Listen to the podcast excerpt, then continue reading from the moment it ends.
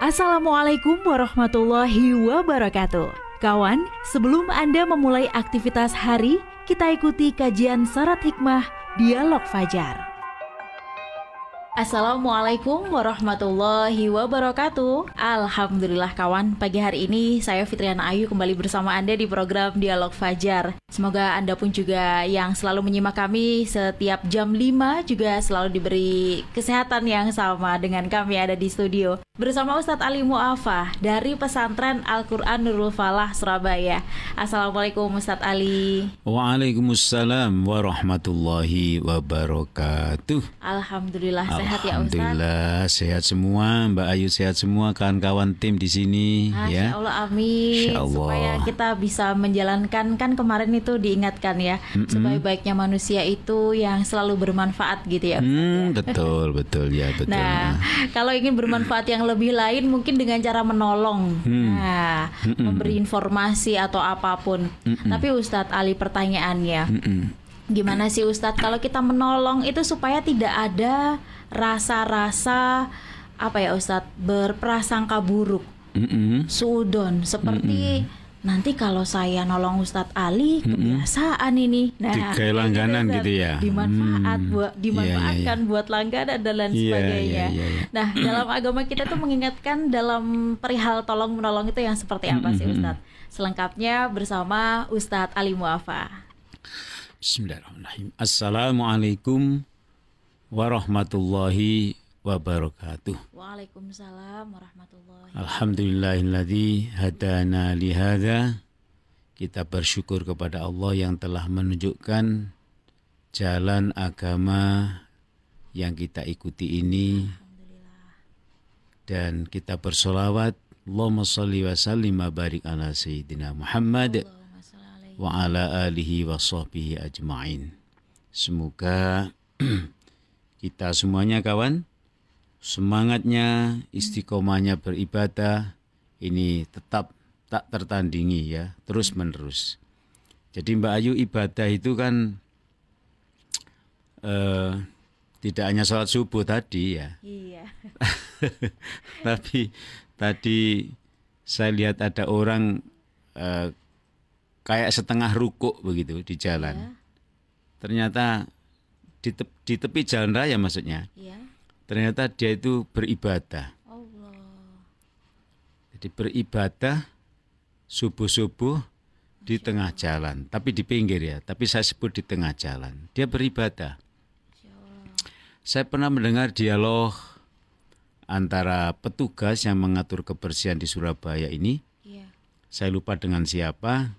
Jawabannya pokoknya targetnya jam 6 ini Pak jalan itu mulus tidak ada yang kotor-kotor. Hmm. Nah, saya lalu ingat itu, berarti hmm. orang yang sedang membungkuk seperti ruko itu hmm. hmm. beribadah bentuknya adalah menyapu jalan raya yang kita Masya lalui itu.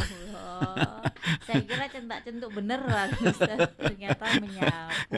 Jadi ya ibadahnya kan berupa ibadah sosial, oh, iya, iya ibadah iya, iya. pelayanan masyarakat. Allah, betul, Jadi betul. betapa besarnya peluang menjadi orang baik yang digeber yang digelar oleh Islam ini uh, antara lain juga berbuat seperti yang saya cerita itu. Ya. Nah, uh, orang menolong itu dicintai oleh Allah. Hmm. Salah satu ada ayat yang umum saja, umum. Innallaha sesungguhnya Allah yuhibbu mencintai al-muhsinina orang-orang yang berbuat baik. Ini ayat umum Mbak Ayu. Yeah. Jadi siapa orang yang berbuat baik itu antara lain adalah orang yang suka menolong. Hmm. Nah, tetapi tadi seperti Mbak Ayu tanyakan atau simulasikan sangat mungkin ada orang yang di saat menolong itu hmm. kemudian punya perasaan wah dikai langganan aku kok yeah. sampai orang yang saya tolong itu ya ya namanya manusia kan manusiawi, uh, manusiawi juga yeah. perasaan seperti itu namun uh, perlu juga kita gali lagi perasaan itu tadi dengan ajaran Allah yang juga kisarannya menjelaskan tentang tolong menolong itu. Jadi kalau kita ambil contoh eh, dari cerita-cerita di masyarakat, ada orang yang memang di bawah garis eh, kelayakan, ya, sehingga ya sesekali dia dijumpai eh, memerlukan bantuan di masyarakat dengan mengetuk pintu dan lain- dan lain-lain. Ya dari cerita-cerita masyarakat banyak yang cerita saya kasih orang itu yang minta, tapi akhirnya saya dibuat langganan. Setiap jam sekian dia datang eh, meminta ya apa saja yang perlu diberikan dia juga mau saja. Nah, eh, manusiawi yang saya sebut tadi adalah pemberi pertolongan itu tadi sebenarnya dia tidak punya pikiran yang macam-macam. Wis ini yang jelas memang dia butuh ya sudah kita kasih begitu saja. Tidak panjang-panjang. Tapi digawe langganannya tadi dia menjadi tidak enak gitu ya. Nah, ini ada dua yang ingin saya sampaikan. Yang pertama adalah bagaimana eh, hati kita tetap terjaga supaya eh, apa yang kita lakukan menolong orang tadi itu eh, tidak sampai menjadi tidak bernilai menolong gitu ya. Ya jadi kita senang-senang saja eh, tidak perlu punya pikiran seperti itu dan yang paling mengkhawatirkan nanti yang paling mengkhawatirkan pemberian kita atau nilai pertolongan kita menjadi kosong karena eh, hati kita dipengaruhi oleh kekhawatiran-kekhawatiran seperti itu. Tips yang pertama, kalau kita menolong orang itu eh, membayangkan jika kita ada di pihak yang butuh ditolong. Jadi kalau kita menolong orang itu dibayangkan bahwa orang itu butuh pertolongan saya dan kita bayangkan saya menjadi orang yang seperti itu. Nah, begitu. Eh, Nabi itu menyampaikan suatu ajaran bahwa orang yang hebat itu adalah orang yang menolong ya kepada orang yang momen pertolongannya itu persis tepat. Itu adalah orang yang hebat. Kalau Mbak Ayu memberikan uang kepada uang pinjaman maksudnya Iya. kepada seseorang yang dia tidak kepepet tapi diterima. Wah, iki ya saya saya terima pinjamannya Mbak Ayu begitu. Itu biasa. Tapi begitu Mbak Ayu itu menolong orang yang memang detik itu dia butuh SPP untuk anaknya misalnya, ya Mbak Ayu. Iya. Kan itu penting sekali. Betul. Anak saya butuh transfer dia mondok di mana, dia kuliah di mana, pinjam ke Mbak Ayu. Itu time yang sangat pas kalau dia kita pinjemi. Iya. Jadi tidak main-main Rasulullah ini memberi ajaran kepada kita agar menolong pun masih diberikan jalan ya. Nolong yang nilainya sangat tinggi itu adalah jika orang yang kita tolong itu memang saatnya momennya persis membutuhkan. Saya berpendapat ya orang yang sedang meminta tadi itu ya eh, kita anggap dia memang sedang membutuhkannya, sedang membutuhkan. Ya kalau kita dialog panjang memang nggak ketemu juga ya. Eh, peminta-peminta ya di jalan-jalan di perempatan-perempatan nggak ketemu juga kalau kita Iya, kita juga nggak berikan solusi. Memberi juga tidak ya. Ini sekali lagi ini eh, masih terjadi debatable ya di antara satu orang dengan orang yang lain. Tapi yang jelas itu tanda-tanda bahwa masyarakat kita ada yang masih di bawah garis. Gitu loh. Nah, ya mohon maaf ada orang yang bisa menolong dengan eh, bersifat konsumtif ya dikasih uang, dikasih jajan, dikasih eh, nasi kotak, ya oke lah ya itu karena mereka berkeyakinan orang ini masih sedang membutuhkan. Jadi eh, supaya kita tidak ti- tidak terbebani tiga langganan tadi itu sehingga kuat- khawatir saya mempengaruhi nilai amal kita maka yang pertama adalah bayangkan kita ini sedang menjadi orang yang butuh seperti orang yang kita kasih pertolongan itu. Nah, apakah kita mau nggak dituduh begitu, dipersepsikan seperti itu gitu. Yang kedua, kita eh, bertabaruk. Bertabaruk itu mengambil keberkahan dari apa yang dicontohkan oleh Rasulullah Sallallahu Alaihi. Kalau memberi kepada orang dan kalau menolong orang itu seperti rihil mursalah. Itu loh Mbak Ayu, seperti angin lewat itu loh. Masya Allah. Angin lewat itu kan nggak ada beban apa-apa, seret begitu saja. Tapi berat Ustaz. itu kan jawaban manusiawi ya Ustaz ya.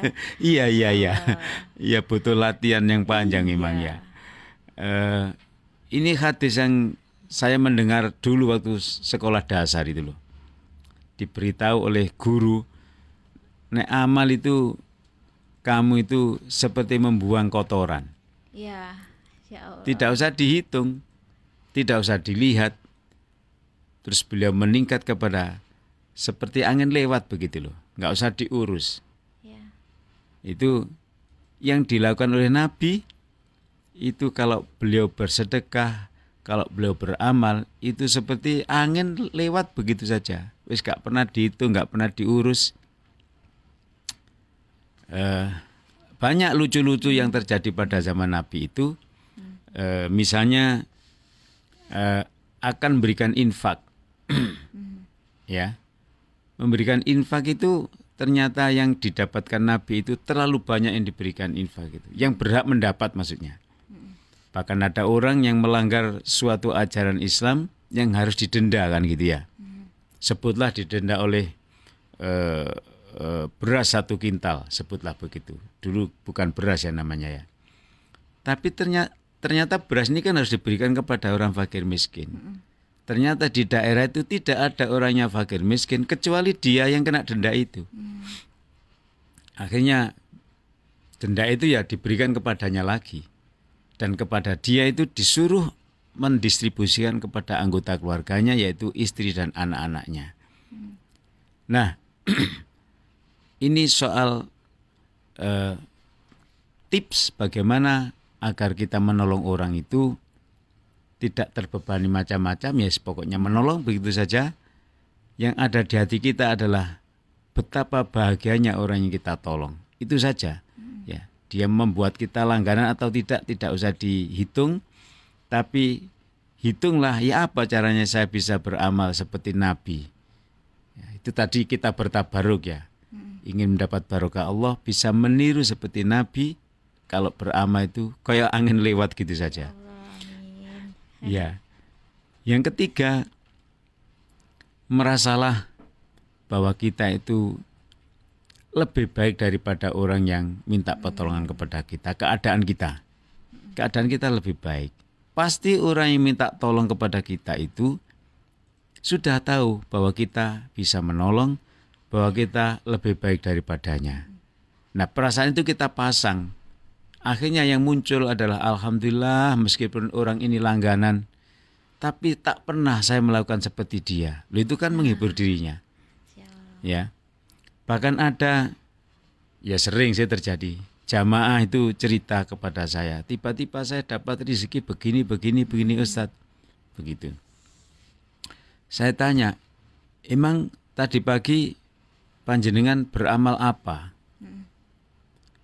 Jawabannya ya lucu, ngerasa no beramal Ustadz. Belum sama sekali. Masa sih gitu? Enggak, saya enggak beramal sehari ini tadi. Ya, tapi justru saya dapat rezeki yang tak terduga. Ya. Ya saya tadi sih siang itu berencana akan memberikan bubur kepada orang yang ada orang yang saya pandang pas untuk menerima makanan di siang hari ini. Rencana itu pun gagal tidak terjadi gitu. Lah saya bilang, lah niatan itu sudah diganti oleh Allah dengan rezeki yang tidak disangka-sangka itu. Dia kaget. Masa cuma niat aja udah diganjar? Sudah, saya bilang. Sampean niat sholat malam nanti, ternyata ketiduran pamannya. Sudah diganjar oleh Allah. Ya Jadi rencana baik itu sudah baik. Ya. Apalagi dilakukan betulan ya, maka kebaikan itu akan bertambah. Nah jadi masalah eh, mempersepsi bahwa diri kita itu alhamdulillah saya tidak seperti orang itu. Saya masih lebih baik dari orang itu.